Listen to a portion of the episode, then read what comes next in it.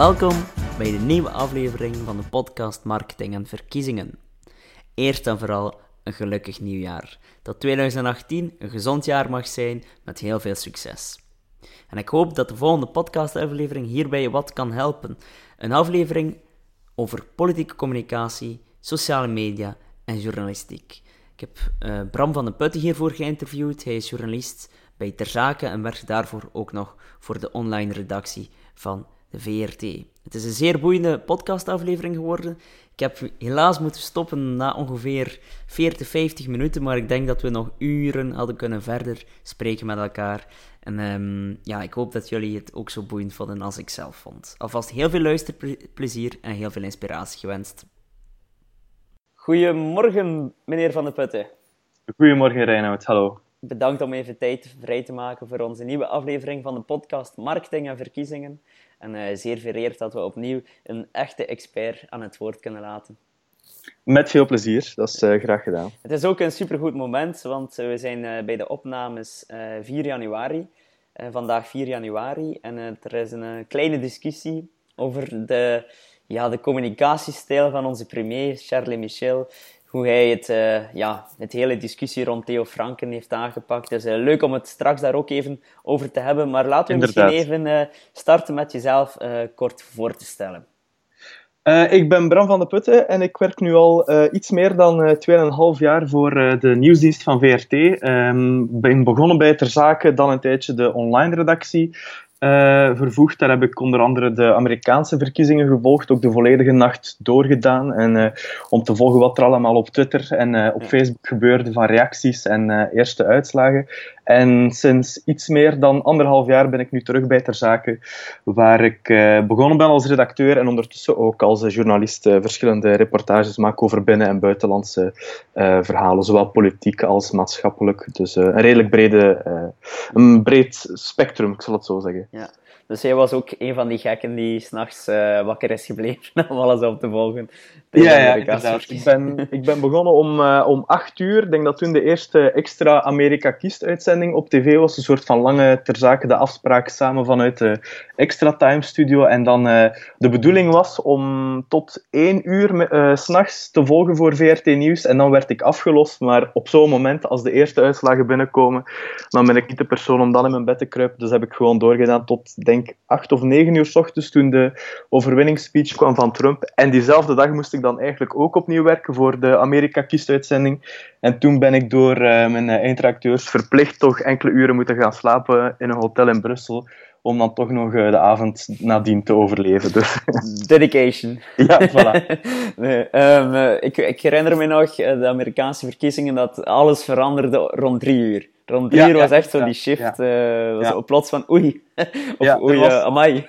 ja, ik herinner me ook nog een soort van uh, tellertje op de New York Times. En, en dat stond tot en met inderdaad twee, drie uur s'nachts volledig uh, aan de kant van Clinton. En plots begon ja, op te shiften, ja. ging dat pijltje richting Trump. En, en plots was het kantelpunt bereikt en ging het ja. van 49 naar 51 procent voor Trump. En toen was het al duidelijk dat het inderdaad ja. Uh, ja, een overwinning zou zijn die niemand echt zag aankomen. Ja, en um, opvallend ook, um, ik heb ook de, de hoksites gevolgd. Ik heb zelf mm -hmm. niet gehokt of zo, maar, maar om, om te kijken uh, hoe dat, ja, de odds lagen. En inderdaad ook rond drie uur plots, boom, alles ja. alles op Trump. Uh, alle kansen op Trump. Dus het uh, was inderdaad een heel leuk kantelmoment om live mee te maken, vond ik. Ja, dat inderdaad.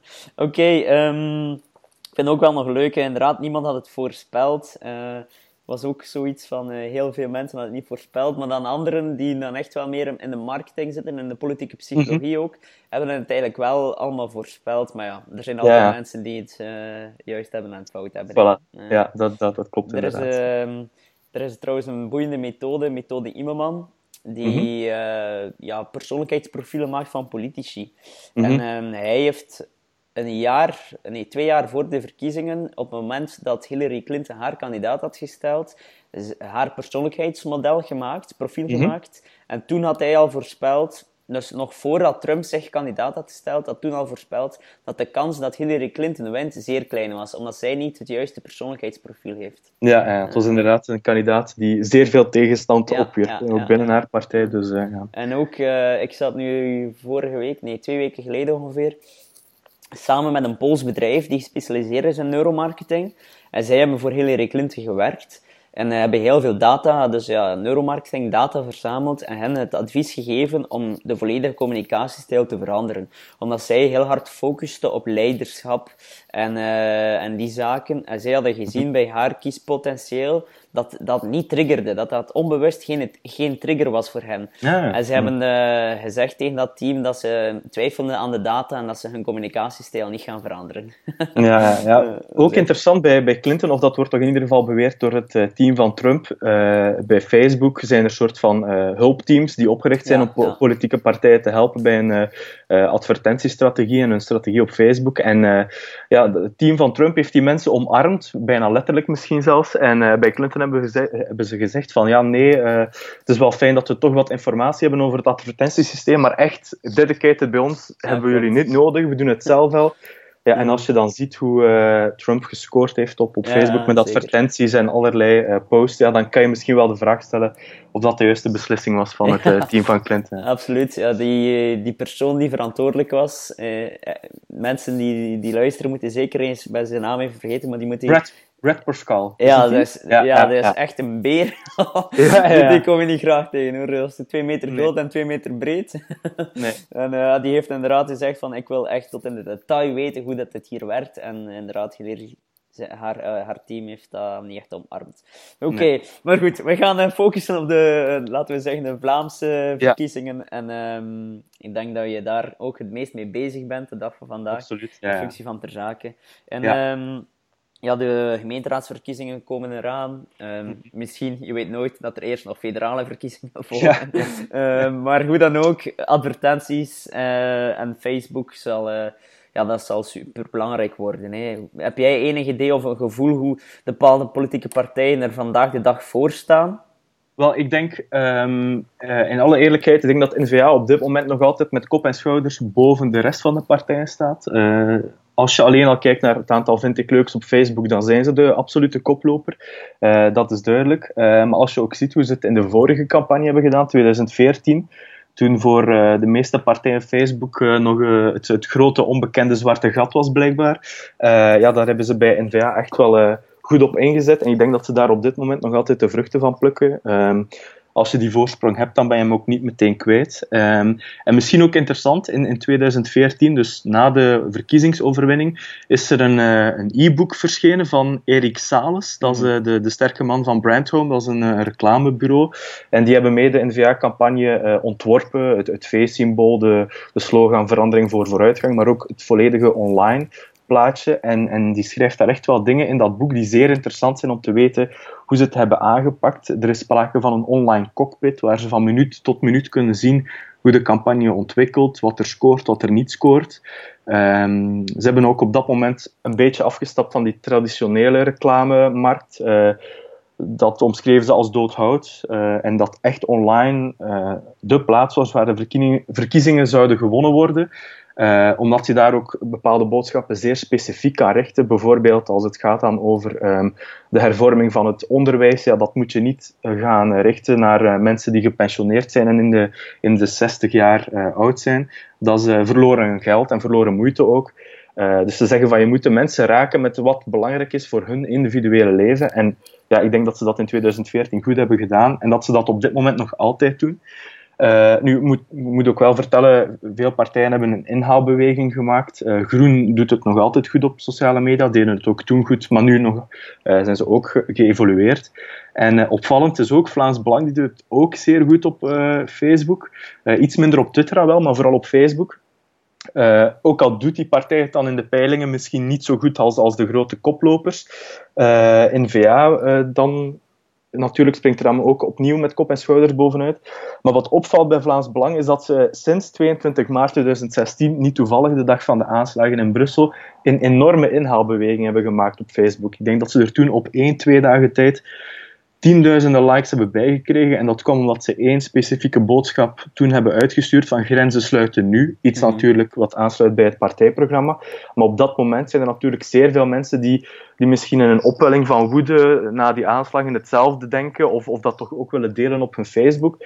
Ja, en dat heeft ze echt geen windeieren gelegd. Ze zijn meteen doorgeschoten naar de tweede plaats op Facebook. Uh, staan nog altijd boven groen die partij zou graag natuurlijk opnieuw de tweede worden op Facebook, maar dat lukt op dit moment niet zo goed, omdat Vlaams Belang echt het afgelopen jaar, of misschien anderhalf jaar, echt die uh, shift heeft gemaakt van belang van Facebook als communicatiemiddel. Dat zeggen ze ook vrijuit, openuit, terwijl andere partijen dat misschien niet zo uh, graag luidop zeggen, omdat dat misschien een beetje in de kaarten laat kijken voor de komende verkiezingen. Maar bij Vlaams Belang zijn ze echt overtuigd van we komen minder in de klassieke media aan bod, dus als we het ergens moeten doen, dan is het wel op Facebook. En uh, ja, die boodschap slaat ook uh, aan bij een groot publiek, dus dat wordt wel interessant, denk ik, om de komende maanden toch op te volgen. Opvallend is ook, um, de partijen die je nu net hebt vernoemd, um, zijn allemaal niet-traditionele partijen. Ja. Mhm. Ja, inderdaad, de, de, klassieke partijen hebben het echt moeilijk op, op Facebook. Ik heb er nog eventjes de cijfers bijgenomen, omdat ik wist dat het sowieso daarover ging gaan vandaag. uh, eh, CD&V is dan misschien wel, of ziet zichzelf als de volkspartij en is in de peilingen nog altijd de tweede of de derde, een beetje afhankelijk van de foutenmarge. Maar die hebben op Facebook amper 12.000 likes. Ja, als CD&V zou ik me dan toch een beetje zorgen beginnen maken. Zeker ook om, dat jongere publiek te bereiken. Ik zeg niet de, de misschien klassieke CD&V-kiezer, uh, die, die zal misschien wel nog altijd op CD&V stemmen, of ze nu een Facebook-post zien verschijnen of, niet, als ze al op Facebook zitten. Dus dat is misschien niet zo'n groot probleem op dit moment. Maar in de toekomst denk ik toch wel dat uh, een partij als CD&V, maar ook Open VLD, die toch een modern imago heeft, ook jonge politici, ja, 16.700 likes op dit moment, dat is ook niet om achterover van te vallen. Vooral als je weet dat de PvdA opnieuw een, een niet-klassieke partij 25.000 likes heeft, terwijl dat ook op dit moment nog altijd een kleine partij is, die wel af en toe weegt op het debat. Maar toch, ja, als zij al meer uh, likes hebben op Facebook dan een partij als Open VLD of CD&V, is toch een beetje pijnlijk, denk ik dan. Uh. Maar het is niet makkelijk om natuurlijk die omslag te maken. Als je, uh, als je het al met een klein bereik moet doen op Facebook, is het moeilijk om daar plots bovenuit te schieten. Mm -hmm. Opvallend vind ik ook wel, um, als ik dan even vanuit mijn eigen mm -hmm. ervaring spreek, is de, de vraag die ik krijg om uh, ja, begeleiding te voorzien, zijn inderdaad ook meestal vragen van niet-traditionele partijen.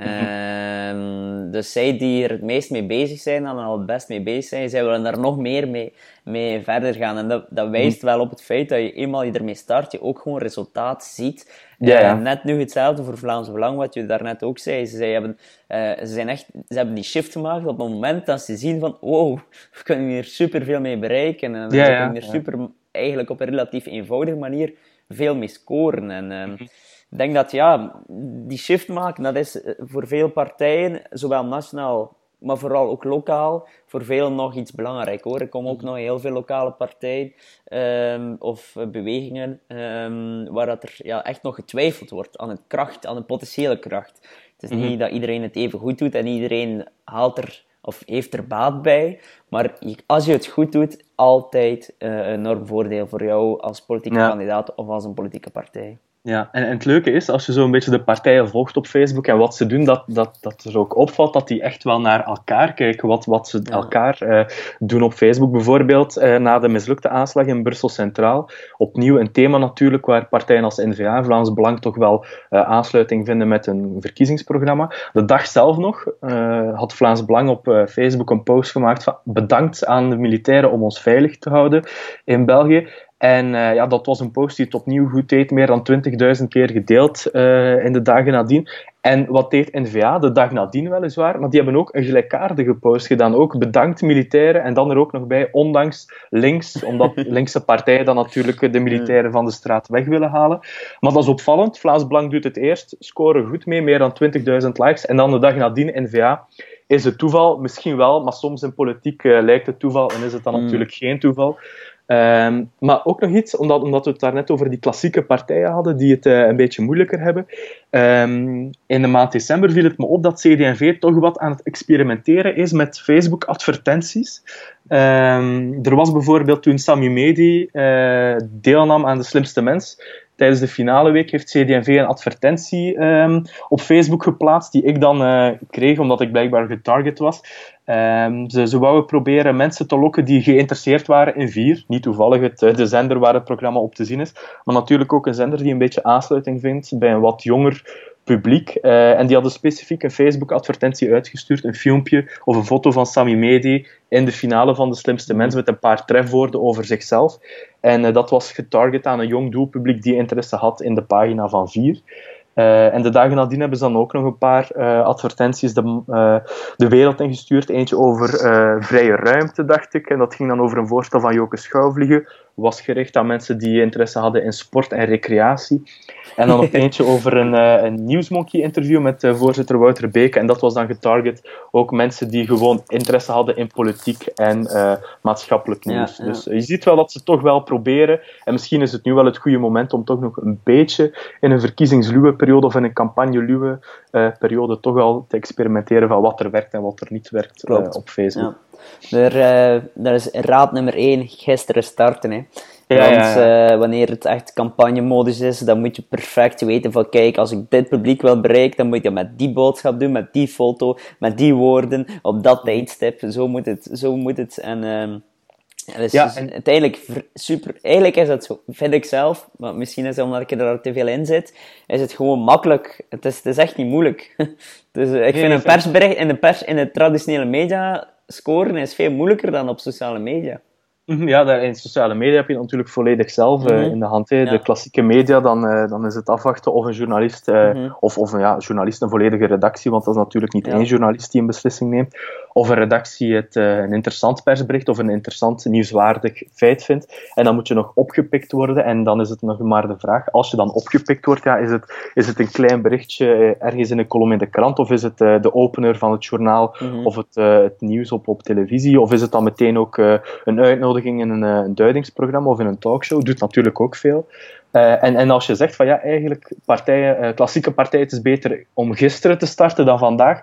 Ja, als je tegen een partij moet opboksen die in 2014 al gestart is, dan denk ik dat het inderdaad wel dringend tijd is om daar toch een tandje in, in bij te steken. En ook nog opvallend, om dan even af te sluiten met alle advertenties die ik de afgelopen tijd heb zien passeren.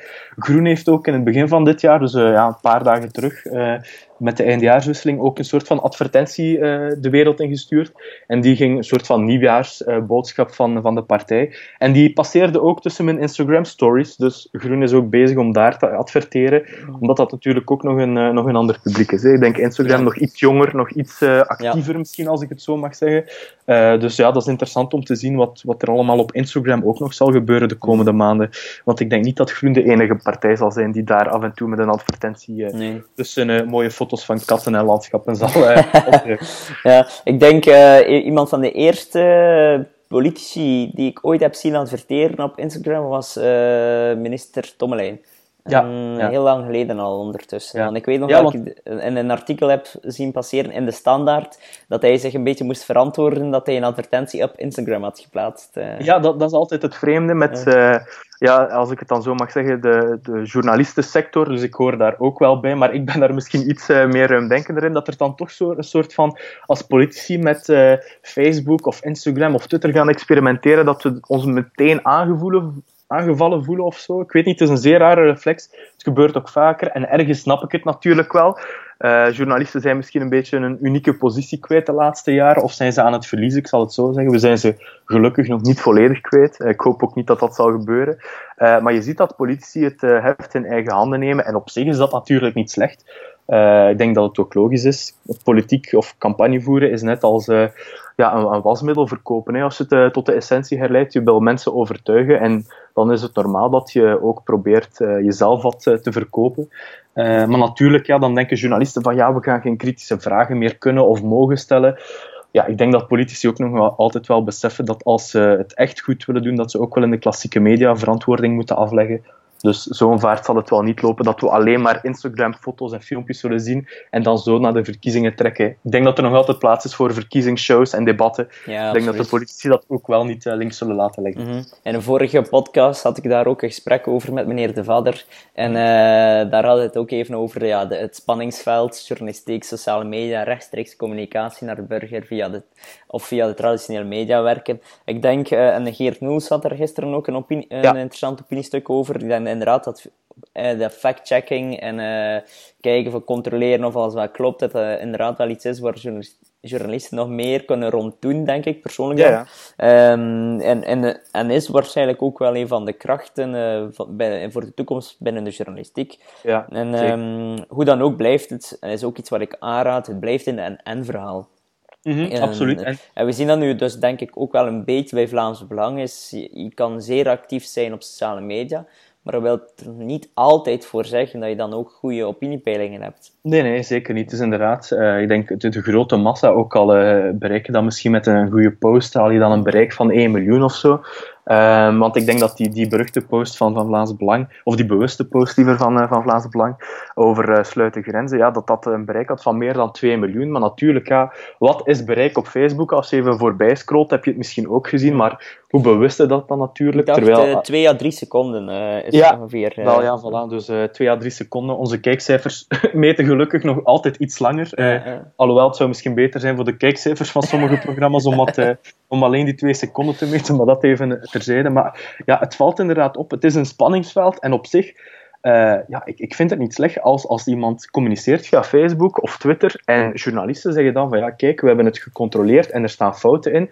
Ja, dan heb je als journalist nog altijd uh, je job en je functie goed uitgevoerd.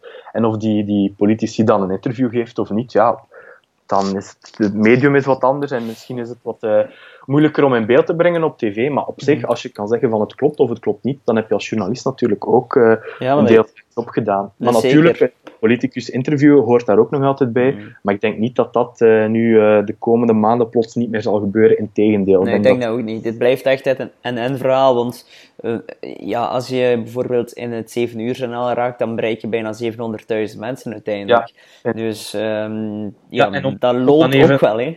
Ja, en om dan even terug te komen op, uh, op die post van, uh, van premier Michel van, uh, van een paar dagen terug over de, de Soudaan-kwestie. Mm. Ja, daarvan zei, ze, zei de woordvoerder van de premier op onze website op VRT Nieuws van ja, onze communicatie is geslaagd, want we zijn in het 7 uur journaal van VRT, van VTM geweest. Ook op uh, de Waalse zenders waren ze te zien, stond op alle sites en alle kranten. Ja, vanuit dat oogpunt is dan inderdaad de communicatie geslaagd, want de premier heeft een punt kunnen maken. Mm -hmm. uh, maar natuurlijk, ja, dan, dan wordt er gezegd vanuit, uh, vanuit bepaalde opiniemakers of journalisten van ja, dat is een slechte tendens dat we dit nu gaan zien, dat, dat de premier volledig exposé op zijn Facebookpagina zet op zich vind ik dat niet slecht. Natuurlijk, uh, als de premier nu alleen maar elke week communiceert op zijn Facebookpagina, dat we dan aan de alarmbel trekken, dan zou ik het wel begrijpen. Maar nu in deze, het was een eerste keer. Ik denk ook niet, als we naar uh, andere landen kijken, dat uh, premier Michel nu plots iets gedaan heeft waar iedereen van achterover valt. Dus in andere landen al, al veel langer. Ik denk dat ook Mark Rutte in Nederland al zeer vaak echt een volledige brief bijna op zijn Facebookpagina heeft gezet. Ja, en, is uh, normaal, ja, of was ook ja, in de krant. Ja, en dan ook in de krant. Ja, dat is in principe net hetzelfde. Dat is een, een, een pagina grote advertentie. Ja, of die dan op Facebook of in de krant staat. En natuurlijk, ja, het gaat daar dan over. Ik denk dat het meer dan een week lang ging het dan over Doe eens normaal mm -hmm. uh, in de Nederlandse pers en dan ook bij ons. Ja, en uiteindelijk uh, komt er dan toch een interview met de premier en dan, dan legt hij het toch nog even uit en dan komt er toch nog een extra quote. Dus op zich, het, het, het is een, een, deel van het, het volledige ja. communicatiespectrum die politici nu op dit moment kunnen doen. En ja, op zich. En dat ik bedoel ik ook met een en-en-verhaal. Je, plaatst iets op, op Facebook en inderdaad, iedereen spreekt, er, spreekt nu al twee à drie dagen over het verhaal. En eigenlijk heeft het niemand nog over Theo Franken, dus wat, wat uiteindelijk ook goed is over, nee, Theo en, Franken, maar we hebben het allemaal over Charlie Michel en zijn leiderschapsstijl en uiteindelijk, voilà.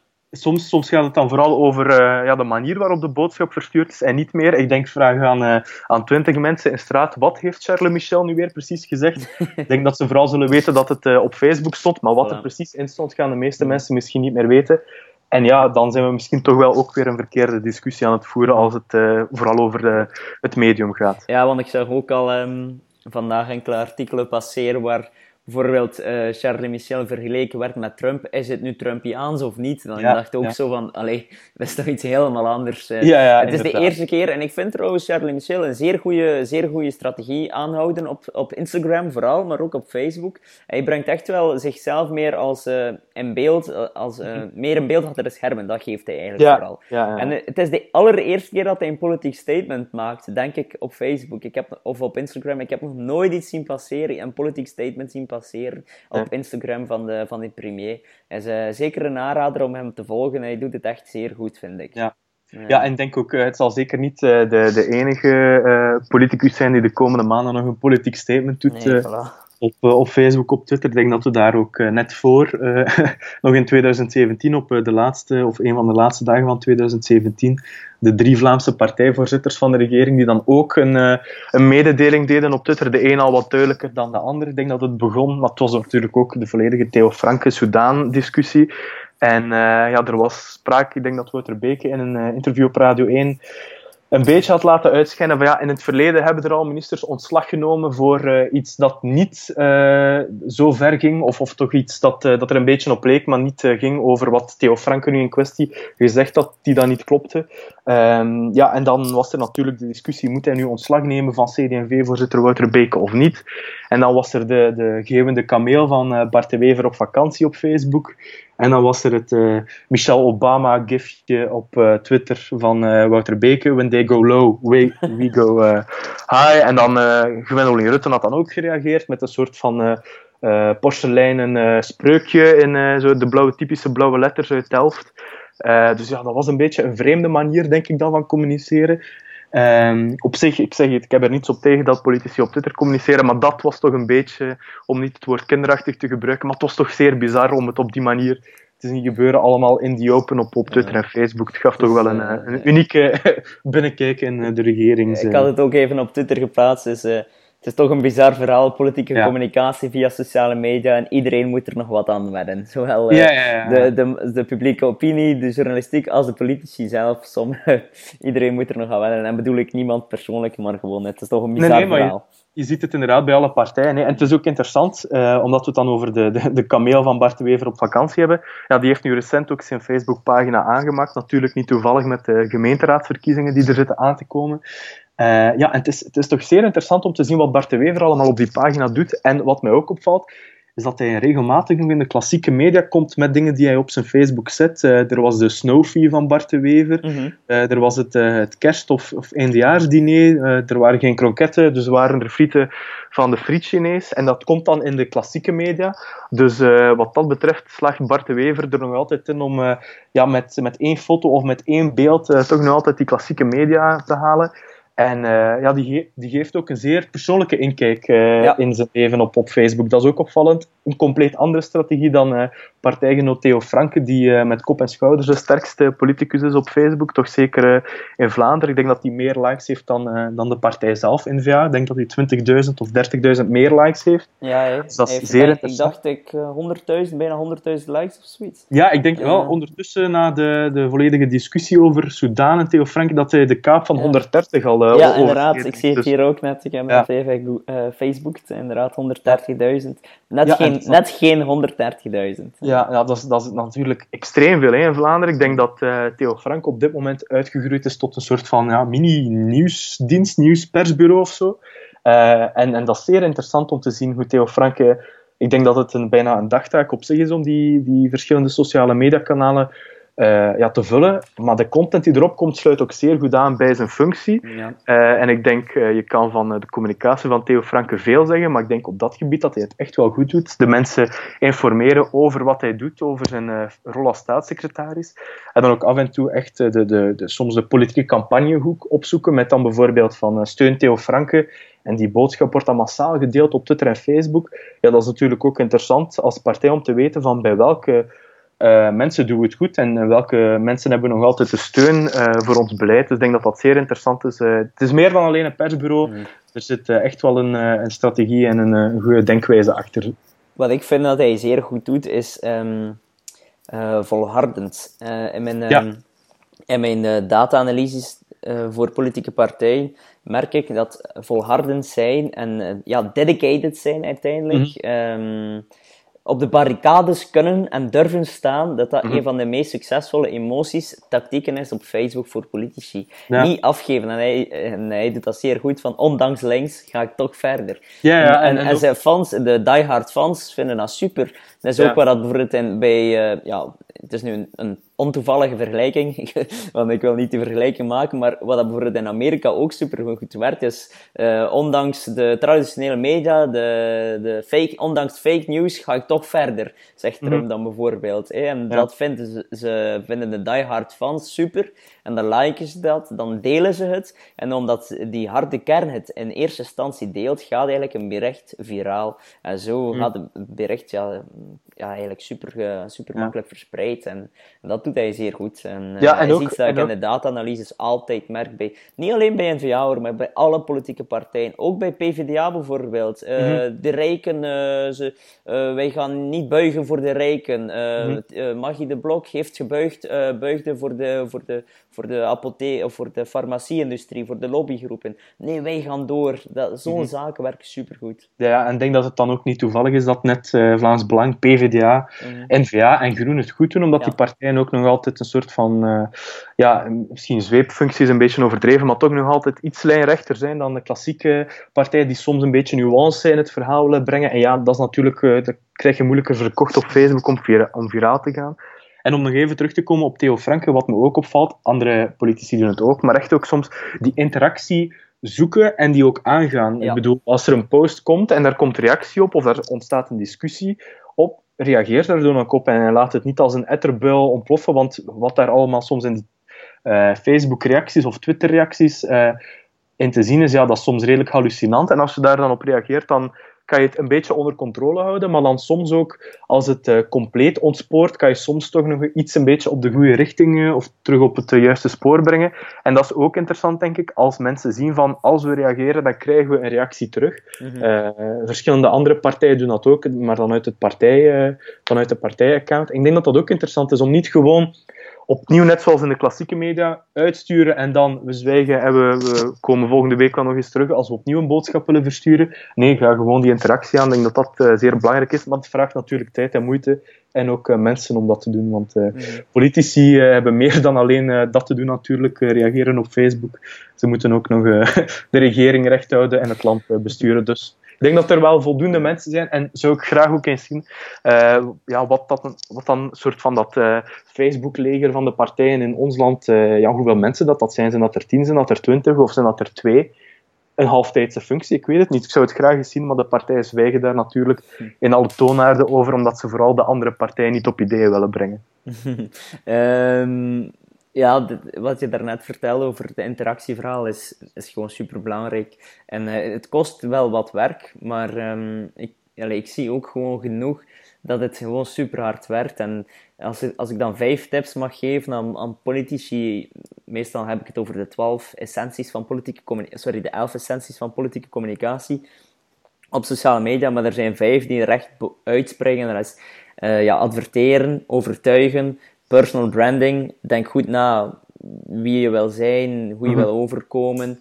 En, uh, reageren en interactie is zo belangrijk. Uh, interactief communiceren. Um, want als jij reageert en je lokt opnieuw reactie uit, dan reageren mensen nogmaals, maar zo maken ze eigenlijk reclame voor jou. Ja, dat is de reden waarom dat de Hillary Clinton fans eigenlijk de beste ambassadeurs waren van Donald Trump omdat zij continu reageren op de statussen of de berichten van Donald mhm. Trump. Maar zo maakten ze wel reclame voor zijn boodschap. Want de kiezer van Donald Trump was niet zo politiek geïnteresseerd en kreeg in eerste instantie die berichten, die politieke berichten ook niet te zien. En natuurlijk mhm. wel via advertenties dan ook. Maar via gewoon het organische bereik kregen ze de berichten wel te zien, omdat, hun Hillary, omdat de Hillary Clinton-fans erop reageerden. En zo gingen zijn berichten altijd viraal, maar hij bereikte dus ook wel de mensen die hij anders niet bereikte. Ja, inderdaad. En er stond zo ook een beetje gelijkaardig in het, uh, het gebrandmerkte boek van, uh, van Erik Sales, dus die mee de N-VA-campagne van 2014 heeft uh, ondersteund. Bijvoorbeeld een van die, ze hadden toen 50 filmpjes gelanceerd, de 50 verbindenissen van NVA. En, en één filmpje, denk de dag van de lancering, werd al meteen geparodeerd tot als een vrouw die zei van ik wil me veilig voelen op straat en ik wil een lijk op stuk beleid. En daar is enorm veel mee gelachen op sociale media. Ik denk dat andere partijen dat geparodeerd hebben. Uh, of, of, zelfs gewoon mensen die het, die het grappig vonden, die aan een parodie of een remix maakten met een, met een beat eronder. en, en daarvan zegt de partij en ook uh, de, de, de man achter de campagne van ja, dat was de beste reclame die we ons konden denken, want we waren één dag ver, het was nog pre-campagne, alle andere partijen waren belangen nog niet klaar om campagne te voeren. En plots stonden we overal op elke nieuwssite en meteen hadden mensen ook mee wat een belangrijk punt van ons, van ons beleid of van onze campagne zou zijn. Een veiligheid, lik op stuk beleid. Ja, en meteen was de campagne gelanceerd. Dus inderdaad, net zoals bij de, de Clinton-fans die soms op elke Trump-tweet uh, hysterisch reageerden en het dan doordeelden. Ja, soms kun je geen betere reclame wensen dan inderdaad de politieke tegenstander die het recupereert en dan misschien niet altijd op een even goede manier. Ja, en dan mhm. ben je vertrokken natuurlijk met je campagne. Mm klopt. En uh, ik wil ook nog even terugkeren op het... Uh journalistieke verhaal. Ja. En, uh, want ik heb nu uh, gisteren een leuk voorbeeld gezien uh, hoe journalisten toch nog via sociale media een gro hele grote rol kunnen spelen. Boude, de Nederlandse politicus van ja. Forum voor Democratie, had, zijn, had naar Afghanistan geweest en daar een foto genomen. Bedankt militairen of zoiets voor jullie help voor jullie mhm. hulp. Dus iets gelijkaardig als bedankt militairen om te voorkomen. Maar hij dan in Afghanistan of zo, ja, het was Afghanistan, dan ben ik zeker, een foto mhm. genomen bedankt militairen, maar dat was, de militairen uit Nederland waren daar al twee jaar geleden vertrokken. Uh. Ja. dus ja, dat was wel een beetje een foutje. Ja, inderdaad. Dus ook altijd opletten natuurlijk wat je op sociale media zet, want soms kan het als een boemerang uh, Zeker. En dan ook nog even het, het, het, verhaal van het filmpje of de foto van Vlaams Belang is 1 miljoen keer bekeken, stel je voor, of 2 miljoen keer bekeken. En um, wat ik daarbij vaak als advies geef is, een, uh, een, een, mooie website is niet altijd een goede website. En veel mhm. bereik is niet altijd veel stemmen. Um, Dus het is vooral belangrijk dat je mensen ook overtuigt. Want soms merk ik wel nog dat, in, en dat veel politieke partijen daar nog in missen, is dat ze vooral kijken naar het bereiken. Hoe kan ik veel mensen bereiken? Maar het is niet omdat je veel mensen bereikt, dat je ook veel mensen aanspreekt, emotioneel aanspreekt, of dat je mensen overtuigt. Dus je moet ook, soms is het een keer goed om een berichtje van maar vijf likes te krijgen, dat misschien mensen het minder hebben gezien, maar dat ze wel de boodschap beter hebben begrepen, dat je ze ook effectief hebt overtuigd. Ja, want soms focussen we veel te veel op likes en bereik en niet op overtuigingskracht, niet op, niet op basis van psychologie. En ja. Uh, ja, dat is denk ik wel iets waar politieke partijen in Vlaanderen ook wel nog kunnen aan werken. Is dat overtuigingsverhaal. Ja. Hmm. Oké, okay, um, ja, ik vind het leuk dat je alle advertenties op Facebook ook controleert waarom dat je te zien krijgt. Ik ben ook zo. Ja. ik sla ze allemaal op, ik neem er printscreens van. Ja, en, uh, ik ook. dus uh, ik heb er ook al superveel. Ik heb nu recent eentje van VLD zien passeren, een hele leuke trouwens. Um, ja, eh, waarbij ze echt het ambassadeursverhaal gebruiken en de overtuigingspsychologie. Is er één techniek die super hard werkt of die eigenlijk beter werkt dan alle andere. En dat is eigenlijk ja, de social proof uh, ambassadeur. Of gewoon hmm. toekoer de ambassadeur. Dus niet zelf zeggen dat je de beste bent, maar anderen laten zeggen dat je de beste bent. Dat had een hele leuke video gemaakt over een nieuwe ja, vennootschapsbelasting eh, die eraan mm zit te komen. Maar ze daar een filmpje over gemaakt, ook getarget. En dan ga ik even kijken waarom ik het te zien kreeg. Ik kreeg het te zien omdat ik ben geïnteresseerd in ondernemerschap. En het ging ook specifiek over ondernemen. Dus ja. Ehm, ja, het is altijd leuk om op te vragen. Ja, inderdaad, inderdaad. En vooral, um, ja, in Amerika hebben ze... Ik, dacht, ik dacht dat er een project was van, ik weet niet meer welke krant, maar er was een krant die zei van, ja, stuur ons advertenties door, want we krijgen niet alles te zien. Ja, de New York Times. Voilà. En in Groot-Brittannië hebben ze net hetzelfde gedaan. Ik denk dat daar verschillende... Uh, eh, BBC had een oproep gedaan op hun site en ook op lokale radio. Uh, om, om ja, vooral die dark ads, hè, want, want ja. wie krijgt wat te zien en, en wij krijgen het niet te zien. Of journalisten hebben zo'n specifiek profiel dat zij dan die advertenties niet te zien krijgen. En uh, er zijn verschillende kranten, ook in Groot-Brittannië, die een onderzoek hebben gedaan van ja op welke, of welke partijen hebben nu welke advertenties uh, uitgestuurd. En uh, het viel vooral op, er waren zeer veel negatieve advertenties uh, bij. de conservatives, die dan mensen proberen te bereiken die misschien op Labour wou stemmen. En dat ging dan over van, let op, Labour is een gevaar voor ons land, zeker nu met de brexit eraan zit te komen. Ze dan ook gericht op districten waar het, ja, waar het zeer spannend was. Uh, qua uitslag, of die, die zeer uh, UKIP uh, gericht waren, omdat ze dachten van ja, daar moeten we nu toch onze stemmen zien te halen met de brexit die we er toch hebben doorgekregen. En opvallend was ook dat ze ook adverteren op Google zoekopdrachten. Dus als je zocht naar de Liberal Democrats, een, een, kleine partij toch wel in Groot-Brittannië, kreeg je een advertentie te zien van de Conservatives van let op, stem niet op Liberal Democrats, want een stem op de Lib Dems is een stem op Labour. Dus is zelfs Google-advertenties of Google-zoekopdrachten proberen ze toch uh, in hun richting te sturen, ook als je zocht op een andere partij. Uh, en dat is natuurlijk ook interessant, van in welke mate, of dat vind ik toch zeer interessant nu met de, de lange campagne 2018-2019 die er zit aan te komen, van in welke mate gaan de Vlaamse partijen het aandurven om een soort van negatieve uh, advertenties uit te sturen, want dat kan natuurlijk ook zeer snel in je gezicht terugkeren, zo'n advertenties. Dat is iets waar ik nooit aanraad, of eigenlijk waar ik heel zelden aanraad, omdat, uh, ja, je zit, hier hebben we stemplicht, stemplicht. En uh, de andere cases die nu hebben aangehaald, is allemaal stemrecht. Waarbij je baat hebt, waarbij het ook verstandig is om inderdaad geld te investeren en mensen van de stembus weg te lokken. Dus ervoor zorgen dat ze niet naar de stembus gaan. Maar bij ons is dat iets helemaal anders. Wij zitten met een opkomstplicht van boven de 90, of met een opkomst van boven de 90% Dus dat is gigantisch. En dan is het denk ik niet zo verstandig. In sommige, mate, in sommige gevallen wel, maar ik, ik, raad het heel, eigenlijk zeer zelden aan. Maar uh, ja, hier is het veel beter in Vlaanderen om te investeren in, ja, in je eigen verhaal. En mhm. wanneer, want ja, bijna iedereen gaat naar de stembus. Ja, inderdaad. Mm. En ook nog opvallend, wat, wat uh, de NVA in 2014 ook heeft gedaan, los van het targeten of segmenteren van bepaalde doelgroepen die interesse hadden in een bepaald aspect van het partijprogramma, is dat ook ze geprobeerd hebben om mensen die in geen duizend jaar op de partij zouden stemmen, zo weinig mogelijk lastig te vallen. Dus een beetje de omgekeerde logica, in plaats van negatieve advertenties over andere partijen uit te sturen, wat dan inderdaad in ons land zeer weinig voorkomt en misschien niet echt het eh, beste idee is, om eigenlijk de groep waar ze nooit stemmen zouden halen, zo weinig mogelijk lastig te vallen, omdat ze wisten, ja, misschien zijn bepaalde delen uit ons partijprogramma te controversieel of, of te ingrijpend voor bepaalde mensen die misschien altijd op, op linkse partijen stemmen.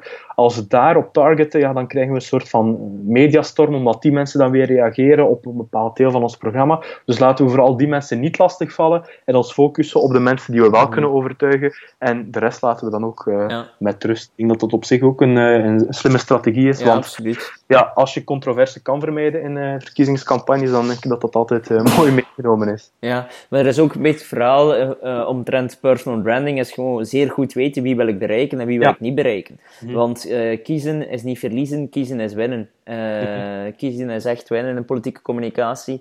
Dus je kan niet iedereen bereiken, je kan niet iedereen, voor iedereen goed doen.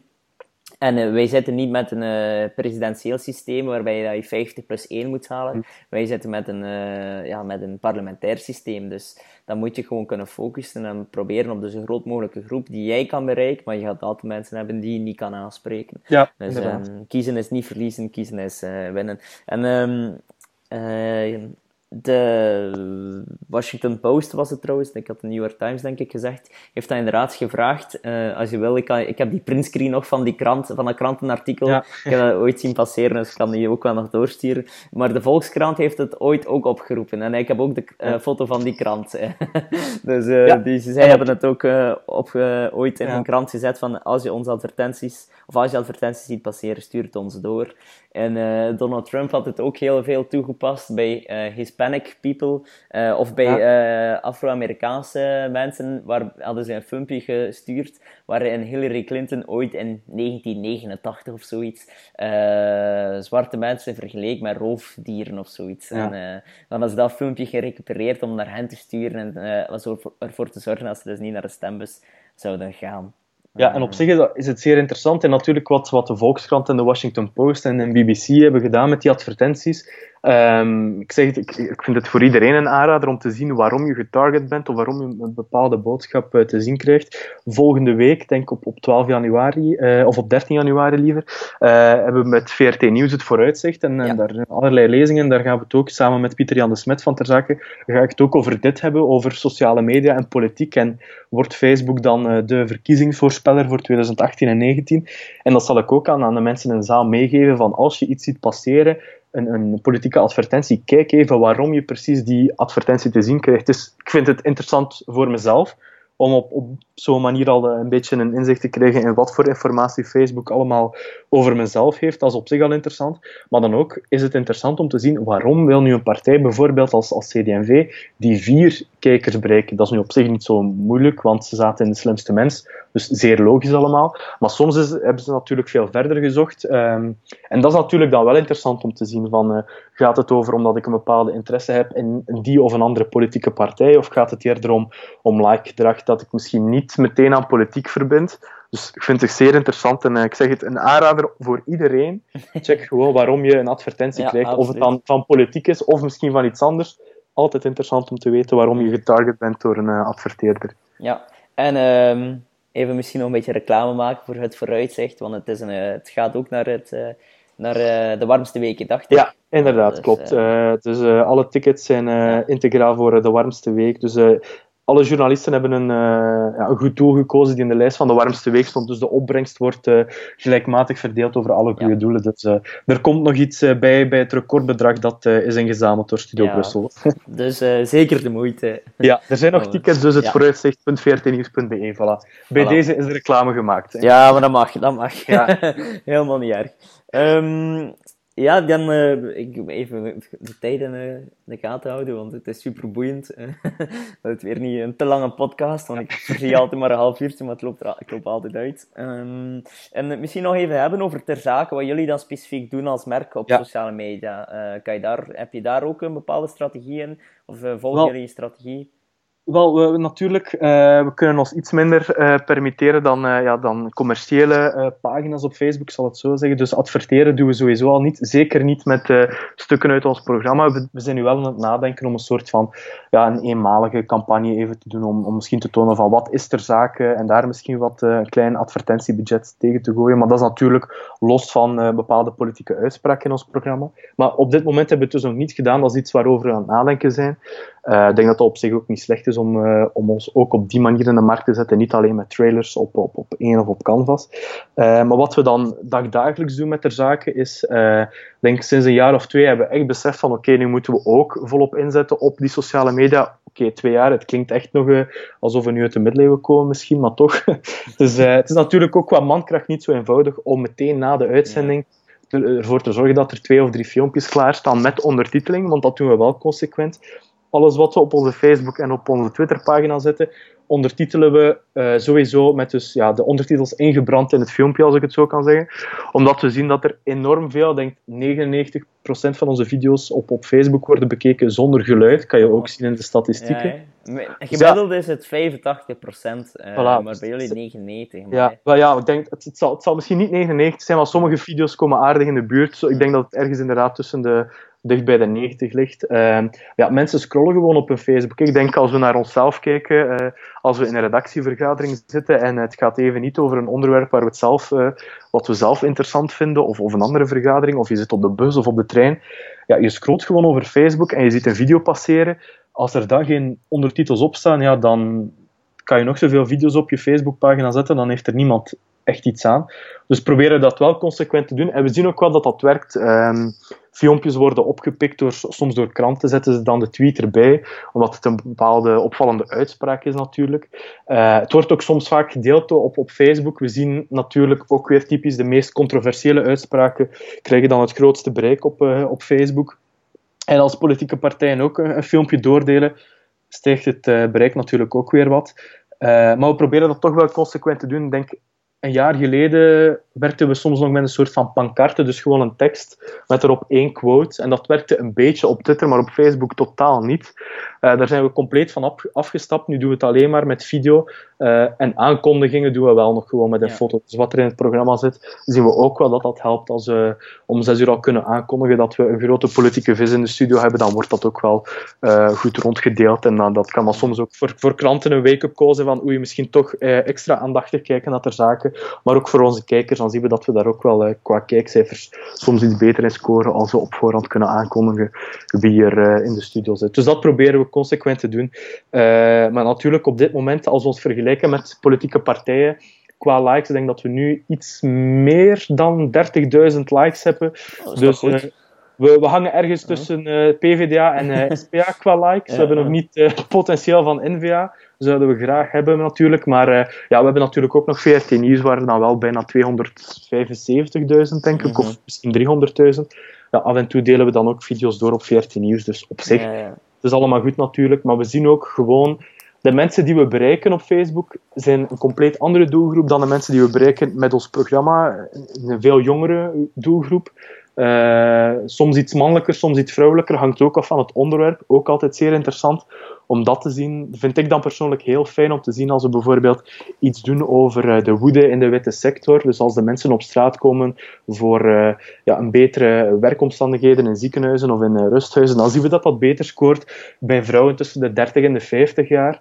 Uh, als we dan iets doen over uh, technologie, dan scoren we beter in de groep van, van 15 tot 30 bij de mannen, enzovoort. En dat is natuurlijk zeer interessant, informatie die je bij kijkcijfers niet altijd hebt.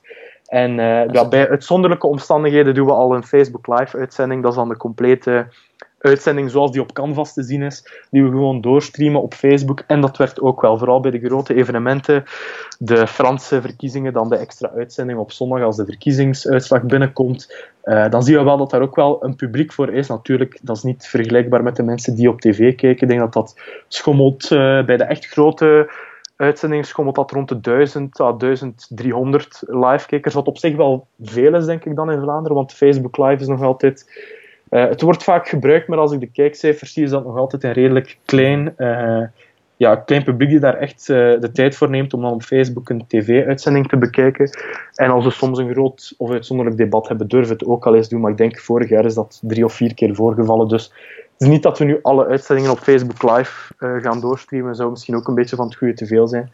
Maar we proberen het wel te doen bij uitzonderlijke omstandigheden om te tonen van kijk, we zijn er ook als er iets extra gebeurt, als er een uh, verkiezing of zo is. En die zijn er vorig jaar wel genoeg geweest ja, en er komen er nog aan. Hè. Voilà, uh, eerst ook gemeenteraadsverkiezingen in Nederland, ook super boeiend om te volgen. Ja, ja inderdaad. Uh, maar jullie hebben wel veel interessante data die ook zo interessant zijn voor de politieke partijen, hoor ik. Ja, kan ik me inderdaad ook voorstellen. Maar ik denk dat de politieke partijen qua data ook niet, zich ook niet moeten te min gedaan voelen. ik denk dat, er ook, ik denk dat je dat ook niet mag overschatten, hoor. Ik, ik toch dat nog niet alle politieke partijen echt mee zijn in het dataverhaal. Ja, uh, dus voilà dan. Uh, maar dan gaan we het voorlopig... dan heb ik er twee uh, cadeau gegeven en de rest houden we dan voor ons. Ja, maar opvallend is wel dat jullie ook een zeer jonge doelgroep bereiken. Ik merk bij de, bij de politieke posts en advertenties die ik doe voor bepaalde partijen, is dat heel vaak de oudere doelgroep het makkelijkst te bereiken is op ja. Facebook. Terwijl de, ja, dan, ja, ik bereik ook wel natuurlijk de jongere doelgroep, maar echt om interactie te creëren met je publiek, is het makkelijker om de iets oudere doelgroep uh, te bereiken, tussen de 40 60 jaar.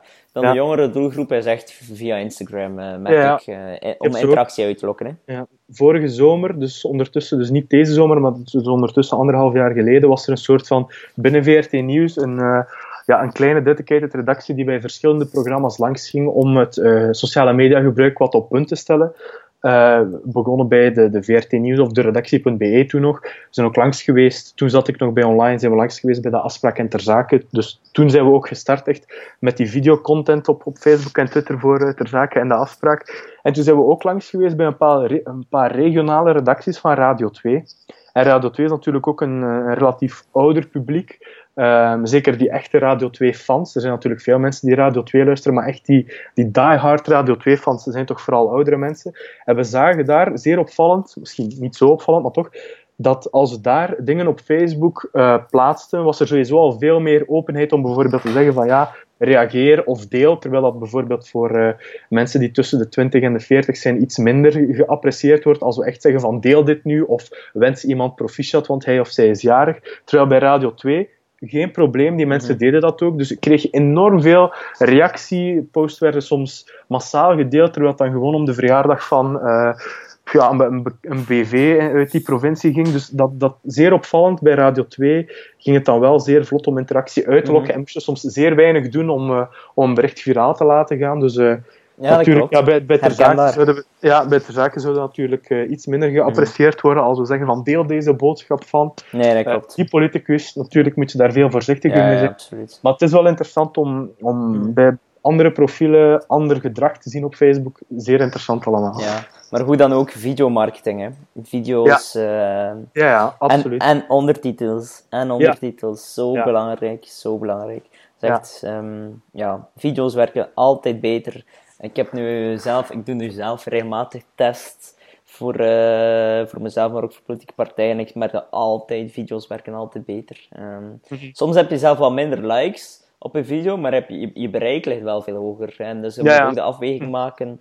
Mm, maar ja, goed. Uh, misschien voor... het, spel, het spel van Facebook waarin we allemaal meespelen. als Facebook zegt van nu gaan we video wat meer pushen, ja, dan, dan, gaat iedereen plots die shift naar video maken. Als we uh, morgen aankondigen. Vanaf nu gaan we uh, Facebook polls uh, zeer prominent plaatsen. Ja, dan gaat misschien plots iedereen overschakelen naar die polls. Dus ja, een beetje afhankelijk van Facebook. Dat is soms het grote probleem aan Facebook. Dat je, ja, je hebt het niet meer zelf in de hand. Je bent vooral, ja, afhankelijk van een Amerikaans bedrijf die dan plots het algoritme wat verandert. Ja, maar voorlopig proberen we nog goed mee te zijn en lukt het wel. Dus, ja, maar meestal is het eigenlijk relatief eenvoudig om te weten wat werkt of niet werkt. Je moet gewoon afvragen is, waar verdient Facebook het meeste geld mee? Voilà, en uh, dan, dat, dat werkt het best. Bijvoorbeeld, uh, ik geef heel vaak workshops aan uh, seniorenclubs, hm. seniorenverenigingen, om, over het verhaal van democratie en Facebook. Eigenlijk wat, wat Geert Nieuws gisteren ook heeft gepubliceerd. En daarin vertel ik ook van, ja, je moet rekening houden dat Facebook een winstgevend bedrijf is. En zij vinden het belangrijk dat ze veel advertenties kunnen verkopen. Voor een adverteerder is bereik belangrijk, dus moeten er veel mensen op Facebook actief zijn. En ja, hoe krijgt Facebook nu veel mensen actief op Facebook? Ja, gewoon door te geven wat je graag hebt. En mensen hebben nu eenmaal liever een video dan een lange tekst. Dus een video werkt beter dan een lange tekst. Ja. Dus zo simpel is het eigenlijk. Hè. Zo werkt het algoritme bij wijze van spreken. Dat is natuurlijk iets ingewikkelder, maar uh, dat is de maatstaf die je meestal kan gebruiken. Mhm. En je ziet het ook, hè. krantensites zetten ook nu massaal in op video, op mhm. Facebook. Dus uh, voorlopig zitten we bij ter zake nog uh, gebeiteld voor uh, de komende jaren, mag ik hopen. Misschien wel nog leuk om te zeggen, Facebook gaat, is bezig na de hele discussie omtrent Trump, maar het kan ook een een uh, sneeuwverhaal zijn dat ze uitgebracht hm. hebben. Maar Facebook zou de dark post openbaar maken. Zodanig ja. Facebook zou dus instellen dat iedereen kan zien welke dark posts lopen er op dit moment. Dus, ja, ik heb het ook gezien, maar ik, vraag me vooral af wanneer uh, de functie effectief zal uitgerold worden en wanneer het dan ook bij ons zal zijn. Want ik had ergens gelezen dat ze het eerst zouden uittesten in Canada, dat het dan naar de VS zou komen, maar ja, natuurlijk er, er zou een fake news knop ook gekomen zijn, die is er dan eventjes gekomen, hebben ze weer afgeschaft. Dus het is natuurlijk wachten of het allemaal zo'n vaart neemt, of het gewoon een, een mooi verhaaltje was om even de kritiek die er Facebook na de, de hoorsessies voor het, uh, voor de Rus, uh, het Ruslandonderzoek, mm. om dat even uh, opzij te zetten. Maar ja, we wachten af. Het zou interessant zijn, maar natuurlijk, ik denk dat dan veel partijen plots het minder interessant gaan vinden om die dark posts te gaan gebruiken, als iedereen plots in de interne keuken kan meekijken. Ja, dat klopt. Mm -hmm. Oké, boeiende tijden tegemoet.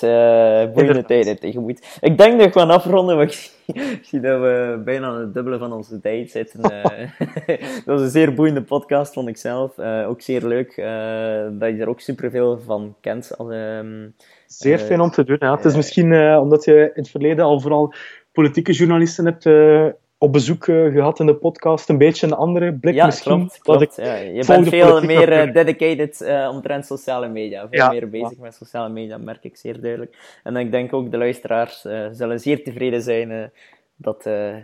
dat is fijn om te horen. ja. Oké, ik denk dat we gaan afronden. Um, ik eindig meestal mijn podcast met één gouden tip van de spreker voor de luisteraar. Mhm. Wat zou jouw gouden tip zijn voor, voor de luisteraar naar naar dan vooral gericht naar politici voor de volgende campagne? Uh, het is natuurlijk altijd gevaarlijk als journalisten tips moeten geven aan politici, maar ik heb het daarnet eigenlijk al een beetje verteld, die interactie. Ik denk dat dat toch wel belangrijk is. Ga er niet gewoon vanuit als je iets op Facebook zet en je laat het leven daar, dat er dan van alles uh, gebeurt ten goede voor jou. Soms komt er zeer veel negatieve reactie, dus denk vooral belangrijk, uh, probeer die reacties een beetje te controleren, te monitoren en reageer ook als het nodig is, omdat dat misschien net meer een band creëert met de mensen die al voor jouw partij zijn of toch uh, richting jouw partij leunen en de mensen die zeer kritisch zijn, kan je misschien ook van antwoord dienen op die manier. Dus interactie, het is een sociaal medium, gebruik het ook sociaal, dus interactie is wel belangrijk, denk ik. Ja, klopt. En het is ook inderdaad een leuk verhaal van die cockpit. ik noem het vaak het social media power team. Stellen mhm. social media power team samen. Ik heb daar zo vier rollen voor, maar één van die rollen is de empathische analist. Dat moet echt iemand uh, zijn met empa die empathisch vermogen heeft, die niet onmiddellijk uh, te strijden trekt tegen de reacties, maar die kan zeggen van, ik begrijp je, ja, je hebt zeker een punt, maar ik bekijk het iets anders. Eh, ja. niet, niet de agressievelingen. Ja, en, en dat is trouwens een tip niet alleen voor politici, maar ook voor onszelf, voor journalisten, voor, voor krantenredacties, voor nieuwsredacties. Ja, we krijgen ook enorm veel opmerkingen binnen en het is zeer moeilijk om daar allemaal op te reageren, maar bijvoorbeeld, nog een kleine anekdote en dan ronden we af, want dan wordt de podcast misschien veel te lang. Uh, op de dag van de aanslagen in Brussel kregen we heel veel reacties bij VRT Nieuws, privéberichten op Facebook, van mensen die ergens een bericht hadden circuleren dat er in een klas een, een jongetje had gezegd van ja, uh, dit is uw verdiende loon, jullie hebben de aanslag verdiend. Uh, zeer veel mensen zeiden van waarom brengen jullie dit niet? Jullie zijn al twee uur live op antenne en niets daarover. Nu, we hebben het verhaal dan gecheckt, het bleek niet te kloppen en we hebben die mensen gewoon ook gezegd van kijk, we hebben het gecontroleerd, bedankt om het ons te melden. We hebben het gecontroleerd, maar het bleek niet te kloppen, vandaar dat we het niet in onze uitzending brengen. En die mensen waren tevreden, terwijl als je daar niet op antwoordt, krijg je een soort van uh, etterbuil waar je niets van af weet of waar je niet naar kijkt. Ja, en als die dan barst en dat gaat dan viraal op sociale media, dan heb je een veel groter probleem.